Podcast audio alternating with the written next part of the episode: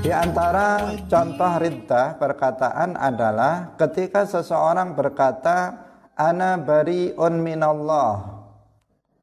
Aku ini terbebas dari Allah. Au minal malaikah atau aku ini bebas dari malaikat. Au minan nabiyyi atau seseorang berkata saya bebas dari nabi. Au minal qur'ani atau aku ini bebas dari Al-Qur'an. Au syariati atau seseorang berkata saya ini bebas dari syariat.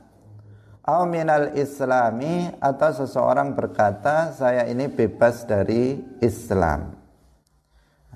Kaum muslimin pemirsa yang dirahmati oleh Allah Subhanahu wa taala.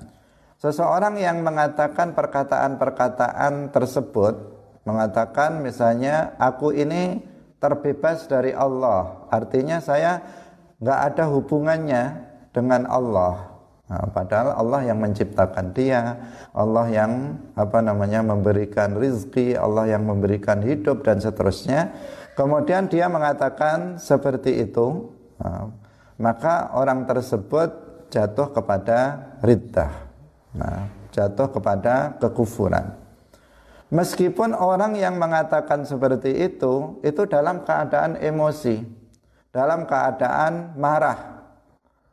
Dan meskipun orang yang mengatakan tersebut misalnya sebaliknya dalam keadaan bergurau, maka dia dihukumi sebagai kufur. Kalau dia sudah membebaskan dirinya, artinya uh, apa namanya uh, tidak memiliki hubungan dengan Allah, maka dia otomatis jelas uh, kufur uh, jelas dia apa namanya jatuh kepada riddah.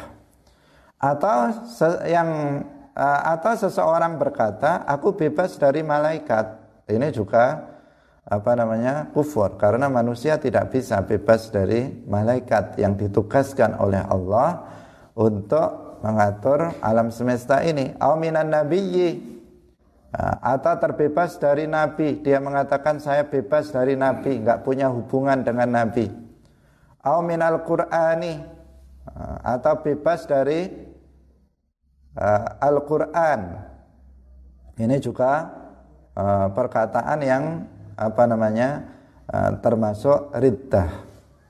Atau mengatakan aku bebas dari syariat. Artinya dia nggak perlu mengamalkan syariat uh, apa namanya karena dia nggak ada hubungannya dengan syariat Islam.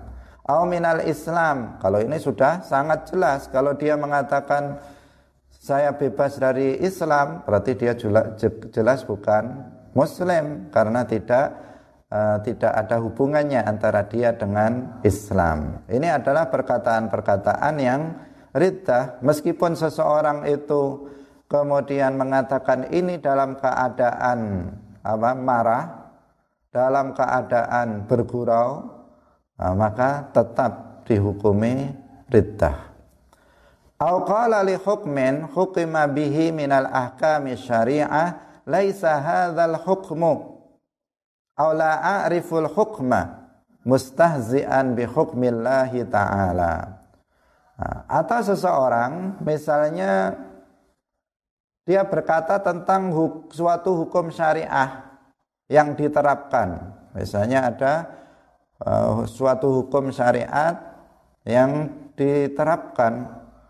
Nah, kemudian dan dia tahu bahwa itu adalah bagian dari hukum Islam. Kemudian seseorang berkata, ini bukan hukum ini. Ini bukan hukum Islam. Misalnya dia mengatakan seperti itu, padahal uh, dia mengetahui sebenarnya bahwa itu adalah hukum Islam, tetapi dia uh, entah karena apa dia mengatakan ini bukan hukum. Yang kayak begini ini bukan hukum. Masa hukum kayak seperti ini? Dengan nada apa? Uh, dengan nada untuk melecehkan hukum Islam. Atau seseorang misalnya mengatakan aku tidak mengetahui hukumnya La a'riful hukma. Dia mengatakan begitu. Saya tidak mengetahui hukumnya. Padahal sebenarnya dia mengetahuinya, tetapi karena tujuan untuk menghina hukum Islam, maka dia mengatakan seperti itu. Misalnya, ada seseorang melakukan perbuatan yang haram. Dia tahu bahwa itu hukumnya haram, kemudian dia melakukannya.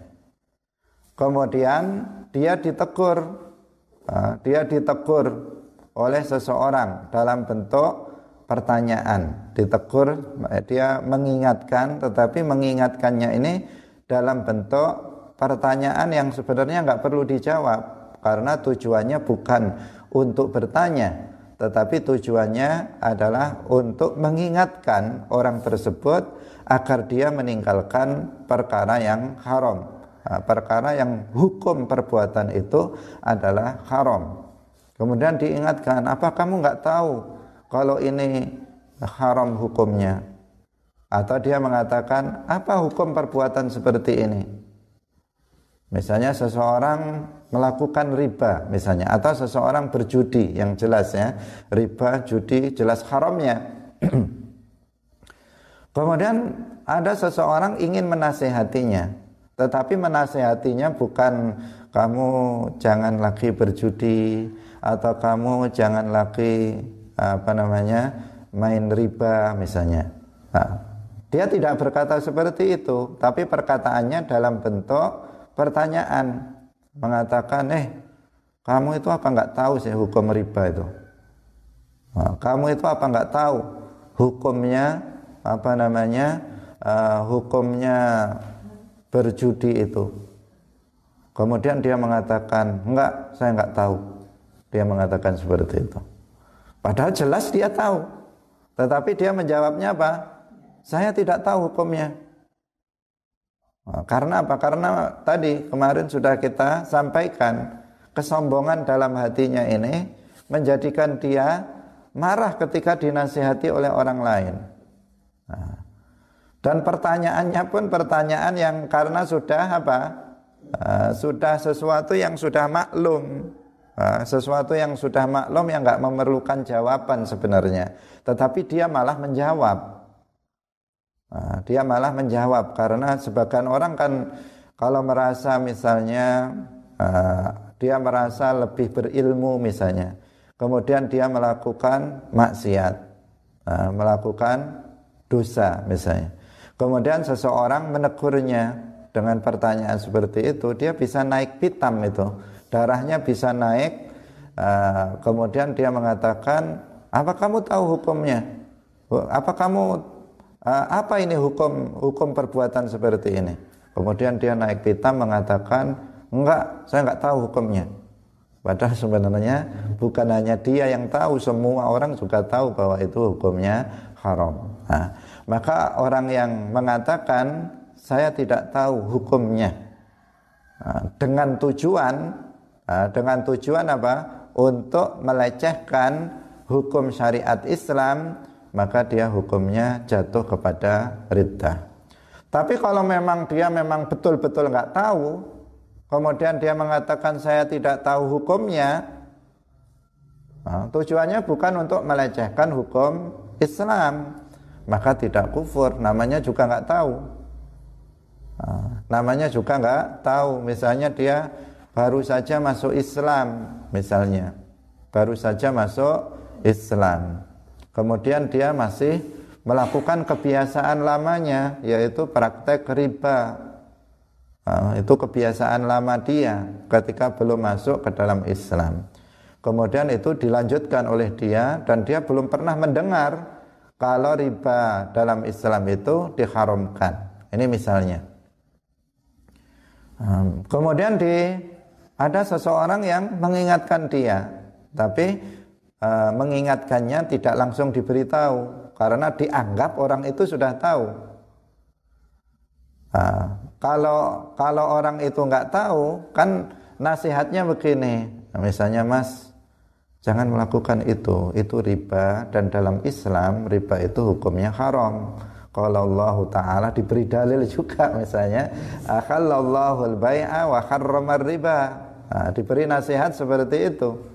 Tapi orang yang ini yang mau memberi nasihat itu sangat yakin bahwa orang ini sudah tahu hukumnya. Karena itu nggak perlu didalili nah, dia nggak perlu didalili cukup ditanya saja dengan pertanyaan yang nggak perlu dia jawab. Karena pertanyaan ini hanya untuk nasihat. Nah, langsung ditanya apa kamu nggak tahu hukum riba? Atau langsung mengatakan pertanyaan nah, apa hukum riba itu? Misalnya langsung dia mengatakan seperti itu. Kemudian dia mengatakan saya nggak tahu hukumnya. Nah, karena betul-betul dia memang nggak tahu. Nah, maka di sini nggak ada masalah karena memang dia mengatakan itu karena ketidaktahuannya. Nah, yang menjadi rita itu apabila seseorang tadi dia mengatakan saya tak nggak tahu hukumnya. Tujuannya itu adalah untuk melecehkan hukum Islam. Dia ingin terus melakukan kemaksiatan nah, dengan alasan dia nggak tahu hukumnya. Nah, sehingga dia uh, di sini ada unsur pelecehan Nah, terhadap hukum Islam. Inilah yang menjadikan seseorang jatuh kepada riddah. Kaum muslimin pemirsa yang dirahmati oleh Allah Subhanahu wa taala. Qala al-muallif rahimahullah au qala wa qad mala'a wi'aan wa ka'san dihaqa au afragha syaraban fakanat saraba au inda wazni kai au inda waznin au kailin wa idza kaluhum au wazanuhum yukhsirun. Au inda ru'yati jam'in wa hasyarnahum falam nughadir minhum ahada. Biqasdil istighfafi awil istihza'i fil kulli. Nah. atau seseorang itu berkata ketika dia sudah memenuhi wadah dengan air, dengan minuman, eh, eh, ya, telah memenuhi wadah dengan minuman, kemudian dia membaca ayat Al-Qur'an. Wa nah.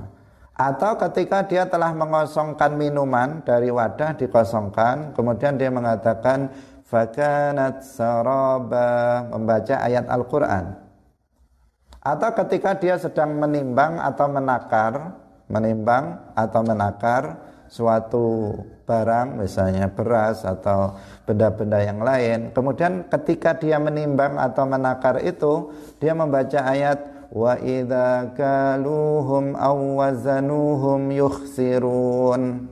Aw inda ru'yati jam'an atau ketika seseorang uh, melihat ada kumpulan banyak orang, kemudian dia membaca ayat wa hasyarnahum falam nughadir minhum ahada dengan tujuan untuk meremehkan, untuk menghina makna dari ayat-ayat Al-Quran itu. Nah, kaum muslimin pemirsa rahimakumullah. Nah, ini jenis apa ritah ini, contoh ritah ini ini sering menimpa orang-orang yang hafal Al-Quran. Nah, hafal Al-Quran nggak tahu maknanya cuman tahu sedikit-sedikit. Nah, yang nggak tahu maknanya sama sekali malah nggak akan melakukan itu. Tetapi dia tahunya sedikit-sedikit kemudian menempatkan ayat itu dengan makna yang tidak sesuai dengan makna yang sebenarnya dengan tujuan adalah untuk melecehkan makna dari ayat Al-Quran tersebut. Jadi melecehkan tujuannya adalah melecehkan ayat makna dari ayat Al-Quran tersebut. Nah kita bahas misalnya contoh yang pertama. Jadi ada orang sedang memenuhi wadah, kemudian dia membaca ayat Al-Quran wa tujuannya adalah mengolok-olok makna dari ayat ini.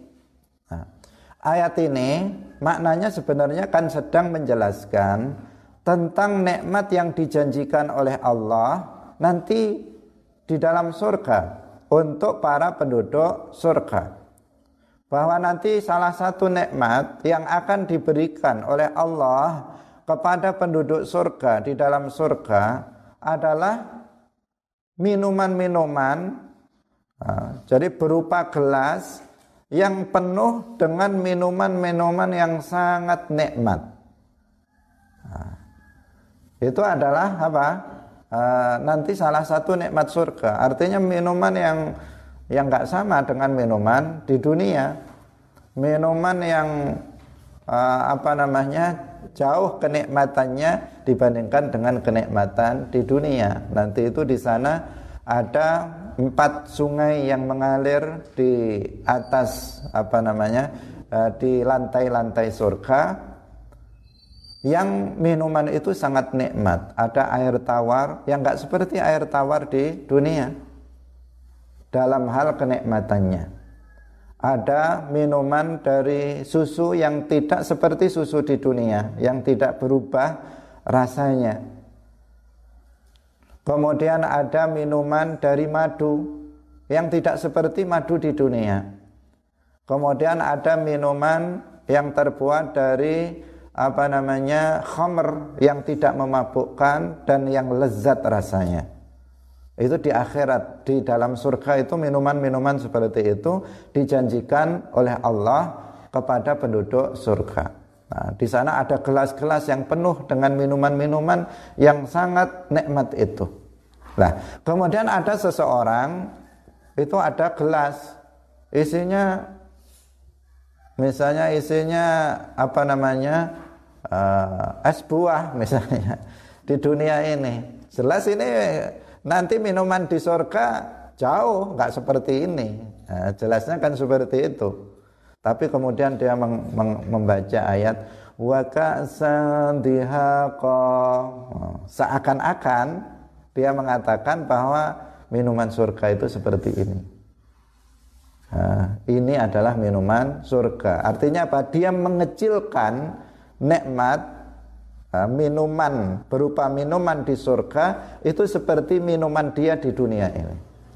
Artinya apa? Dia melecehkan atau dia meremehkan nikmat surga dengan membaca ayat ini. Jadi dia meremehkan apa? Makna dari ayat ini. Nah, makna dari ayat ini menceritakan tentang minuman surga. Sementara dia terapkan untuk minuman dia di dunia ini seakan-akan minuman itu adalah minuman surga. Artinya dia akan mengecilkan, meremehkan apa nikmat yang berupa minuman di dalam surga kemudian digunakan untuk minuman yang dia miliki. Nah, kaum muslimin pemirsa yang dirahmati oleh Allah. Atau contoh yang kedua, seseorang sedang mengosongi minuman dari wadah dikosongkan, dialirkan. Kemudian dia mengatakan membaca ayat Al-Qur'an, fakanat saraba dengan tujuan juga mengolok-olok ayat Al-Qur'an, makna dari ayat Al-Qur'an tersebut. Nah, fakanat saraba itu menceritakan tentang hari kiamat bahwa nanti pada hari kiamat itu kondisi gunung-gunung itu dibuat berjalan oleh Allah seperti sarab, seperti fata morgana. Nah, fata morgana itu uh, seperti kalau kita di jalan, di jalan raya misalnya, jalan raya yang hitam, kemudian kita lihat di depan seperti ada air. Ketika kita datangi nggak ada. Kemudian dilihat lagi di depan seperti ada air. Ketika dikejar ternyata tidak ada. Itu namanya fata morgana. Nah, jadi pada hari kiamat itu gunung-gunung itu berlarian. Artinya gunung-gunung itu berjalan nah, karena dahsyatnya hari kiamat.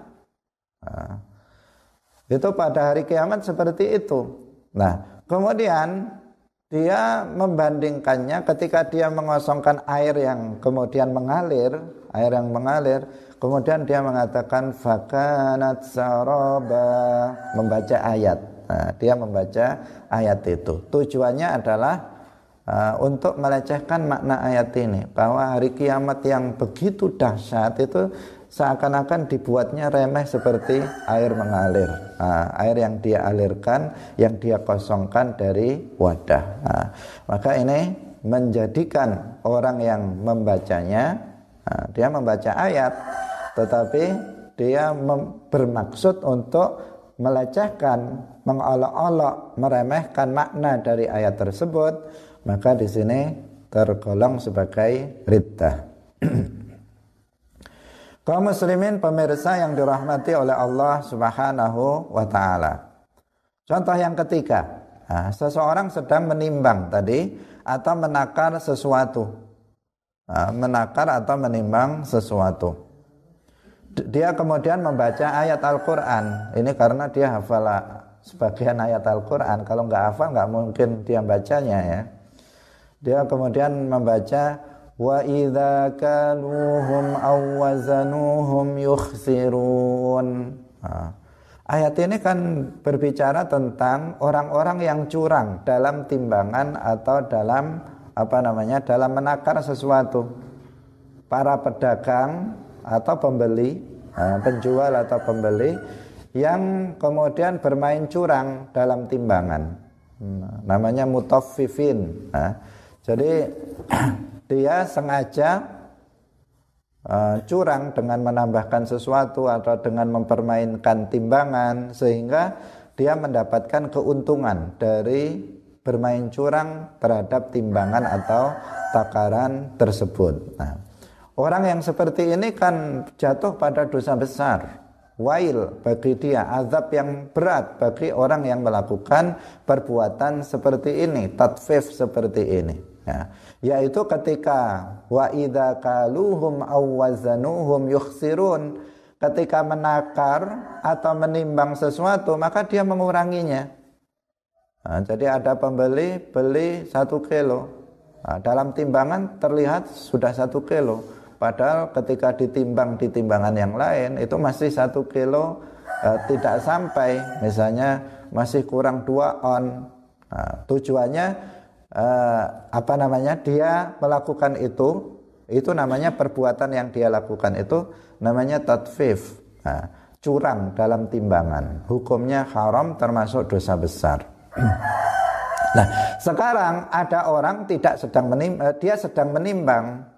Nah, dia sedang menimbang sesuatu Kemudian dia membaca ayat ini wa idza kaluhum aw wazanuhum yukhsirun. Nah, tujuan dia adalah untuk melecehkan, untuk mengolok-olok dari makna dari ayat tersebut. Nah, jadi seakan-akan seakan-akan dia meremehkan, nggak masalah. Seakan-akan seperti itu. Nah, seakan-akan nggak masalah. Saya nimbang apa namanya menimbang dengan cara curang gak masalah. Malah dia malah baca ayatnya. Seakan-akan dia uh, apa namanya menganggap itu sesuatu yang uh, sesuatu yang tidak masalah dia lakukan nanti di uh, di akhirat. Nah, ini ini uh, contoh yang ketiga. Kemudian contoh yang keempat adalah ketika seseorang melihat kumpulan orang jadi dia berhasil misalnya mengumpulkan banyak sekali orang dalam satu tempat di lapangan misalnya. Nah, di lapangan semua orang kumpul. Nah, kemudian karena dia hafal beberapa ayat, kemudian dia terbayang, kemudian dia membaca ayat Al-Qur'an mengatakan wa hasyarnahum falam nughadir minhum ahada. Dia mengatakan seperti itu. Ayat ini makna yang sebenarnya apa? Ini berbicara tentang hasyar pada hari kiamat. Bahwa pada hari kiamat semua manusia itu dikumpulkan di mahsyar. Jadi semua umat manusia dikumpulkan di mahsyar. Sudah kita jelaskan pada pertemuan sebelumnya. Dari semua daerah, semua negara, semuanya dikumpulkan di mahsyar, yaitu di Ardusyam disebutkan dalam sebagian riwayat nah, di dataran Sam sana. Nah, semua kumpul, nggak ada yang nggak ada yang ketinggalan, semuanya dikumpulkan di sana. Kemudian dia melihat kumpulan banyak orang di lapangan yang dia yang mengumpulkan dia. Kemudian dia membaca ayat ini, wa hasyarnahum falam nughadir minhum ahada.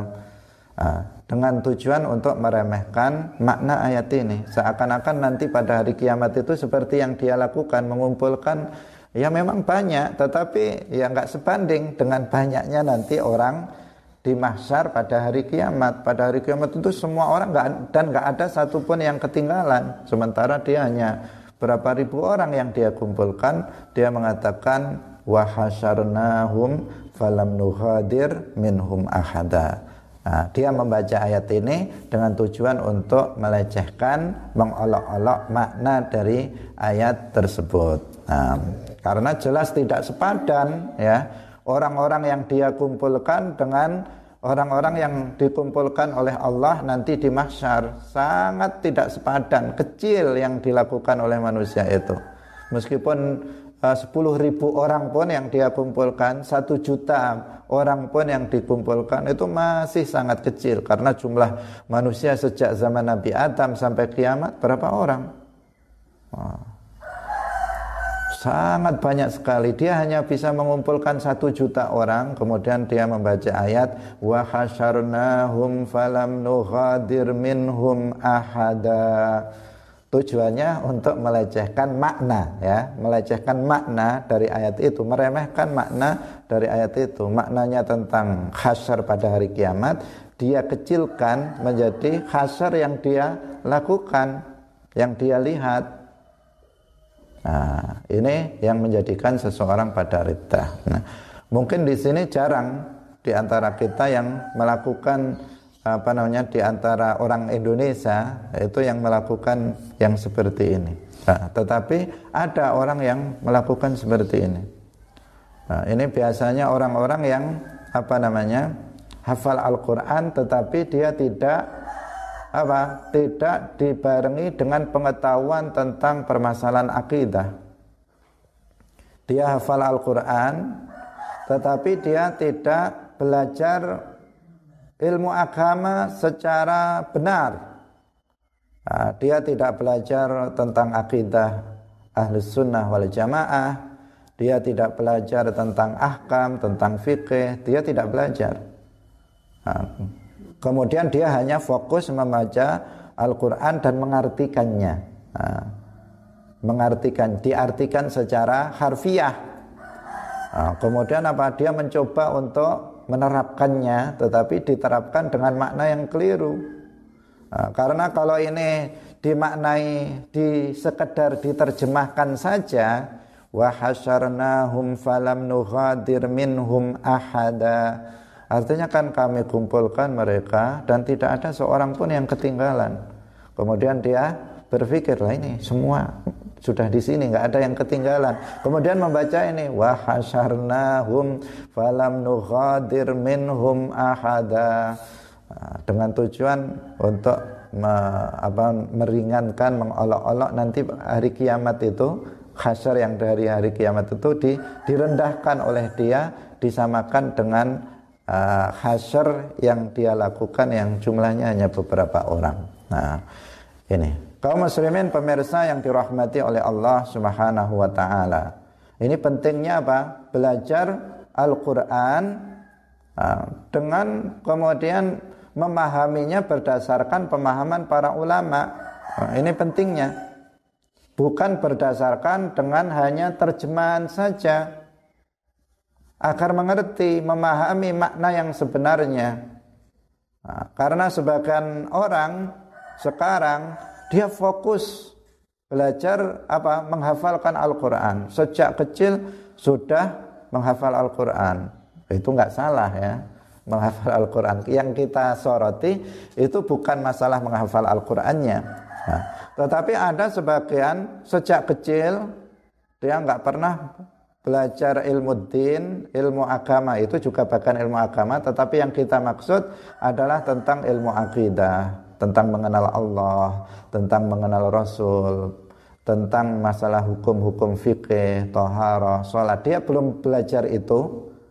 Kemudian dia langsung menghafal Al-Quran.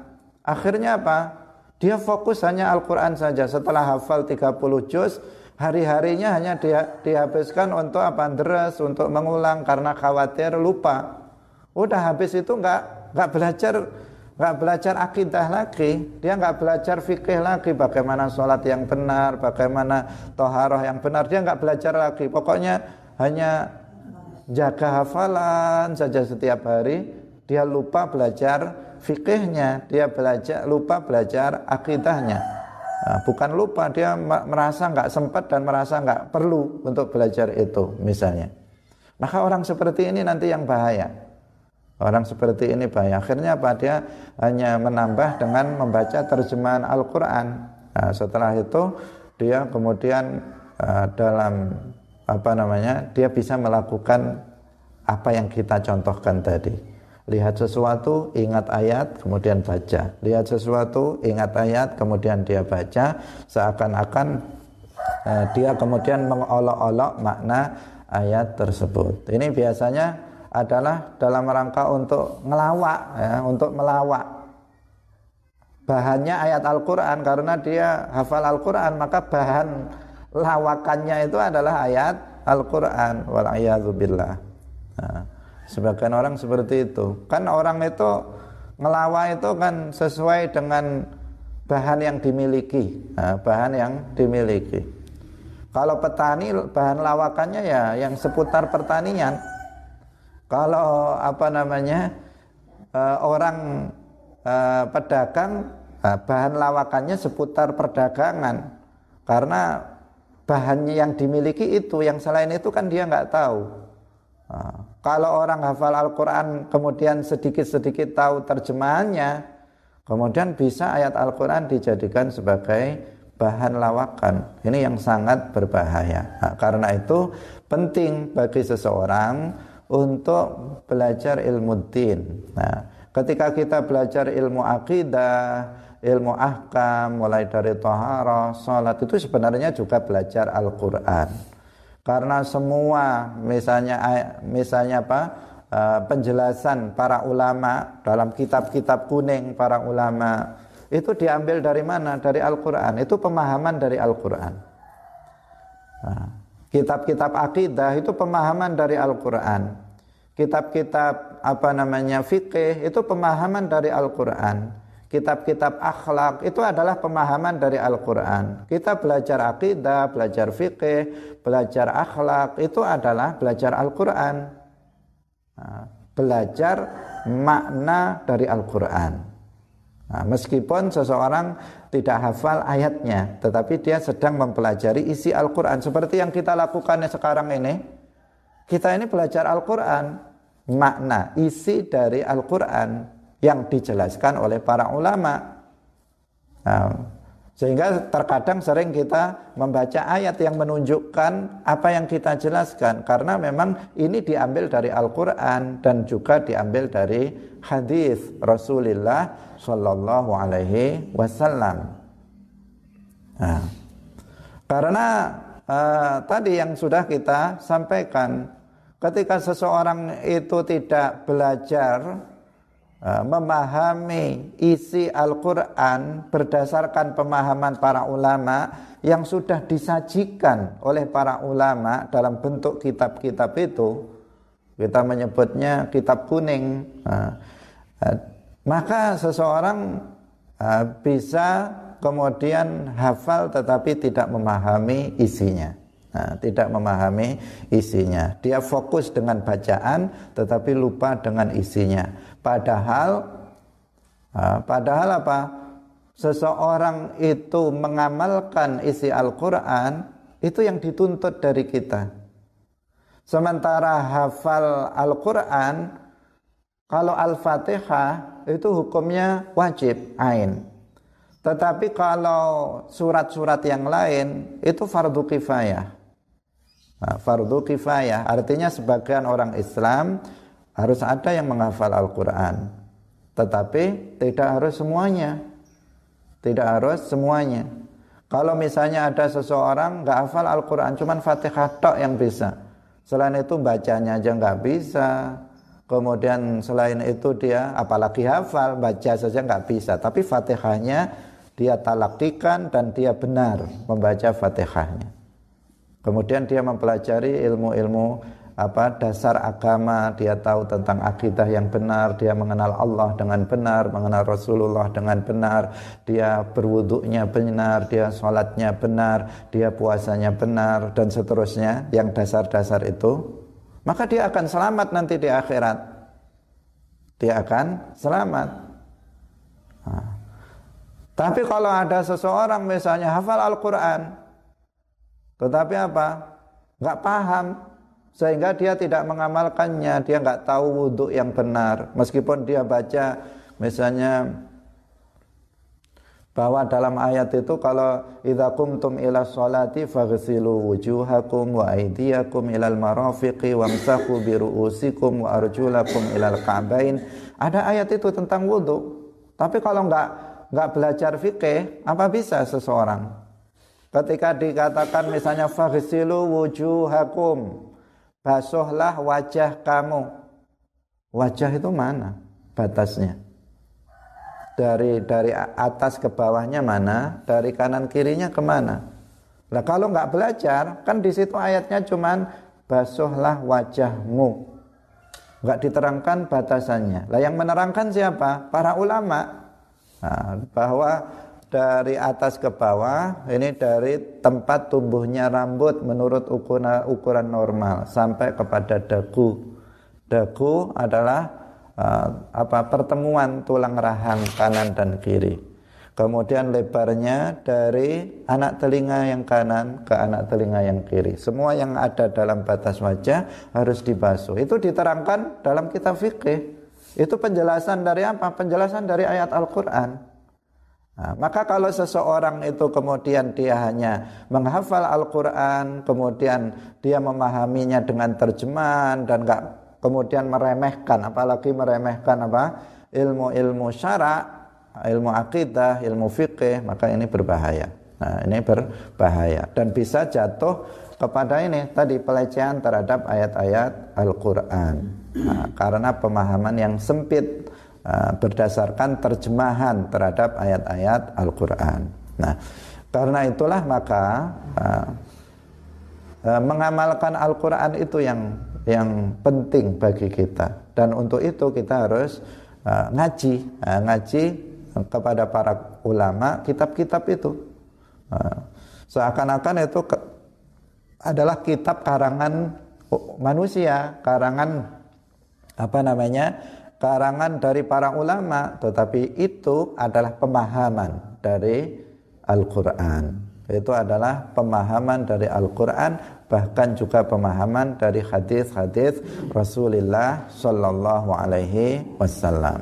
Nah, ini saya sampaikan karena ada fenomena, nah, ada fenomena belakangan ini seperti itu. Uh, orang uh, sangat semangat untuk memondokkan anaknya di uh, di tahfidz.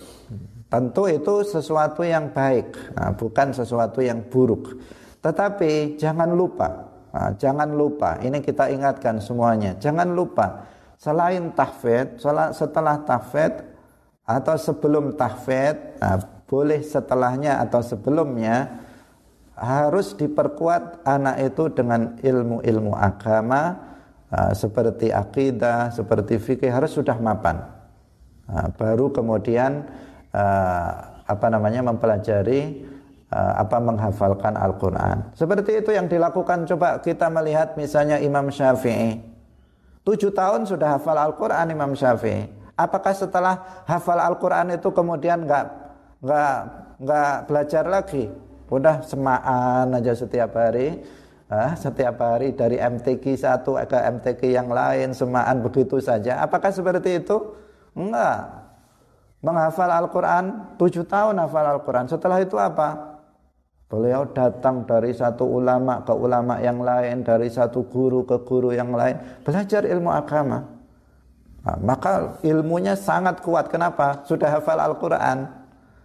Nah, sehingga memudahkan beliau untuk apa namanya memahami Al-Quran itu nah, di hadapan para ulama-ulama itu. Nah, itu begitu. Nah, yang kita ingatkan di sini adalah orang yang berhenti Anaknya sudah tujuh tahun hafal Al-Quran. Wah ini sudah ini penduduk surga ini udah nggak perlu belajar di rumah aja udah. Nah, di rumah aja udah uh, semaan-semaan ikut MTQ ke sana kemari sudah ini sudah calon penduduk surga. Kemudian dia nggak belajar sholat, dia nggak belajar toharoh, ya sholat tapi sholat se, se sejalan-jalannya tanpa didasari oleh ilmu. Maka ini ini sangat tidak dianjurkan yang seperti ini.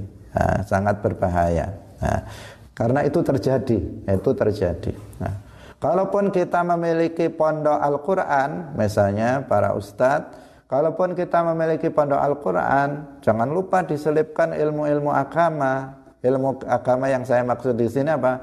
Harus diselipkan akidahnya, harus diselipkan fikihnya, harus diselipkan akhlaknya, harus dilakukan seperti itu. Kita misalnya punya lembaga TPQ atau TPA, Taman Pendidikan Al-Quran. Jangan Al-Quran saja yang diajarkan setiap hari yang dibaca cuman Al-Quran saja.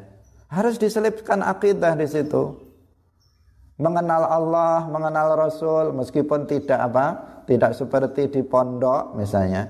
Tapi harus minimal anak itu mengetahui mengenal Allah, mengenal Rasulnya, tahu tata cara wudhu, tahu tata cara sholat itu harus dimasukkan. Meskipun nama lembaganya apa? Lembaga atau pendidikan Al-Quran. Ini, nah, ini kita ingatkan kepada para ustadz. Karena terkadang enggak seperti itu. Karena namanya taman pendidikan Al-Quran ya udah ini Al-Quran saja isinya. Selain yang Al-Quran enggak enggak mengajarkan akidah enggak mengajarkan fikih enggak mengajarkan apa akhlak. Lah ini nanti keliru. Karena dikhawatirkan akan terjadi apa? Nah, akan terjadi orang hafal Al-Quran tetapi rusak akidahnya. Orang hafal Al-Quran tetapi uh, ibadahnya enggak sah. Orang hafal Al-Quran tetapi akhlaknya bejat ini akan terjadi Nah, Alhamdulillah sekarang banyak juga pondok-pondok pesantren yang tahfidz itu hanya sebagai apa namanya uh, di situ uh, sebagai dasar untuk kemudian memahami uh, memahami Al-Quran dengan membaca kitab-kitab para ulama. Karena di sana ini kan kalau punya kita ahlu sunnah wal jamaah kan biasanya seperti itu. Pondok tahfidz pun tetap ngaji, tetap apa ngaji kitab kuning. Tetapi kan kalau orang yang bukan ahlu sunnah wal jamaah itu banyak yang seperti itu. Fokusnya hanya eh, fokusnya hanya tahfidz saja. Kemudian langsung diajari untuk menerjemahkan Al-Quran. Jadi proses belajar mereka itu murni Nah, murni murni maksudnya yang dimaksud murni bukan ini nilai yang positif ya. Jadi murni itu hanya Al-Quran, kemudian setelah selesai membaca terjemahannya, kemudian berusaha memahaminya sendiri. Itu bukan metode kita yang seperti itu, bukan metode kita. Nah, kalau di kita, pondok-pondok di kita, pondok-pondok tahfidz yang ada di kalangan kita, ahlus sunnah wal jamaah, An-Nahdiyah, di NU, itu enggak seperti itu. Nah, memang pondoknya tahfidz, tapi juga ngaji apa namanya ngaji akhlak juga, ngaji fikih juga, ngaji akidah meskipun tidak seperti di pondok yang yang bukan pondok tahfidz. Nah, di sini hanya yang fardu ain saja juga diberikan. Nah, itu di pondok-pondok kita seperti itu. Nah, ini juga sekaligus untuk apa?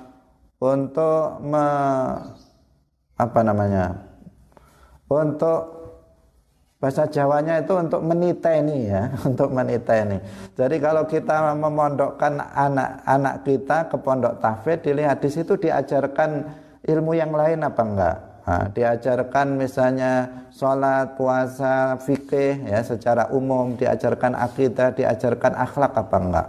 Kalau enggak melulu Quran saja sebaiknya tidak usah. Ah, sebaiknya tidak usah di situ. Tetapi di tempat yang apa karena dicurigai itu bukan bukan NU bukan aswaja ahlu sunnah wal jamaah. Hmm. Kaum muslimin pemirsa yang dirahmati oleh Allah subhanahu wa ta'ala hmm.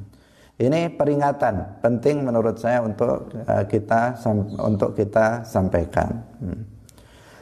kemudian Nah, tetapi kita sama sekali di sini tidak mencela untuk menghafal Al-Quran itu fardu kifayah.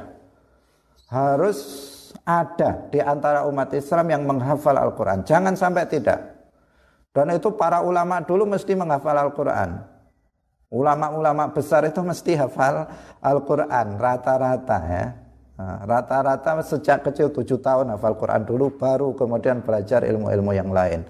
Kemudian uh, umur 10 tahun hafal Al-Quran, umur uh, sekian tahun hafal Al-Quran, itu selalu seperti itu. Karena kalau nggak hafal Al-Quran ya akan sulit seseorang untuk menguasai ilmu-ilmu agama secara secara komprehensif, secara luas. Nah, juga bukan hanya Al-Quran yang dihafal, hadis-hadis Nabi juga dihafal. Itu begitu metode belajarnya. Jadi bukan berarti menghafal Al-Quran nggak penting, menghafal Al-Quran itu sangat penting, nah, sangat penting. Tetapi itu jangan berhenti hanya pada menghafal Al-Quran, tetapi harus juga belajar pemahaman dari Al-Quran yang sudah disiapkan oleh para ulama dalam bentuk kitab-kitab kuning itu yang kita kenal meskipun sekarang udah banyak yang putih ya jadi kitab-kitab kuning itu yang kita baca. Ya, kitab yang sekarang kita baca kan kitab kuning, tapi kita tulis, kita cetak dalam bentuk kertas putih karena kalau Sulamut Taufik ini kuning ini. Nah, ini seperti ini. Warnanya kuning. Nah, sekarang kita cetak menjadi putih. Ini tetap kuning juga dalam pemahaman kita. Nah, kaum muslimin muslimat pemirsa yang dirahmati oleh Allah Subhanahu wa taala. Nah, nah, jadi eh, kesimpulannya adalah setiap dikatakan oleh mualif di sini setiap ayat yang dibaca dengan tujuan itu dengan tujuan untuk melecehkan, menghina, mengolok-olok makna dari ayat Al-Quran, maka itu adalah kekufuran. Nah, tetapi jika tidak, tidak dengan tujuan untuk mengolok-olok, tapi dia membacanya nggak cocok dengan makna yang sebenarnya, itu nggak cocok, tapi dia tujuannya bukan untuk mengolok-olok. Maka di sini tidak kufur yang melakukannya, tetapi Ibnu Hajar Ahmad Ibnu Hajar mengatakan la tab'udu hurmatuhu. Artinya tetap haram hukumnya meskipun tidak kufur melakukannya. Artinya apa?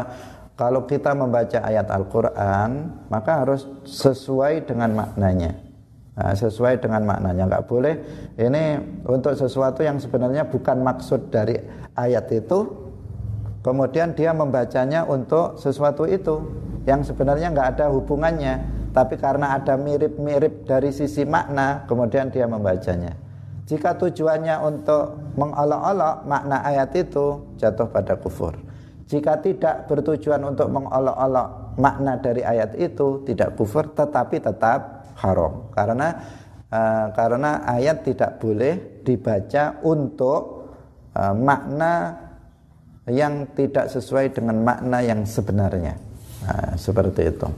Nah, kaum muslimin pemirsa yang dirahmati oleh Allah Subhanahu wa taala, nah, sampai di sini pengajian kita pada pagi hari ini semoga bermanfaat bagi kita dan semoga kita uh, diberikan pemahaman tentang permasalahan-permasalahan yang tadi kita kaji kita sehingga kita bisa menjaga diri kita uh, dari mengucapkan kata-kata yang kufur atau yang menyebabkan seseorang menjadi murtad. Barakallahu fikum wallahu muwaffiq ila aqwamit thariq.